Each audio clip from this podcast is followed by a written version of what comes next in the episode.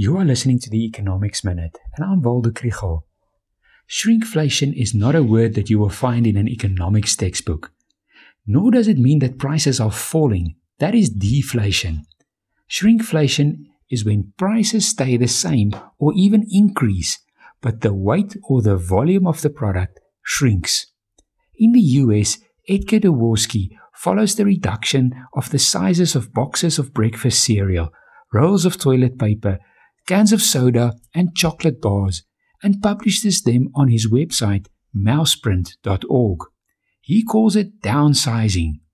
Consumers are sensitive to price increases and soon realize that their shopping basket costs more, but they, are, they do not easily notice a difference in weight or volume.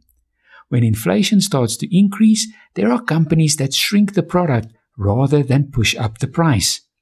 The companies often argue that adapting the packaging reduces their transport costs and it's better for their carbon footprint. Do you know of any cases of shrinkflation in South Africa?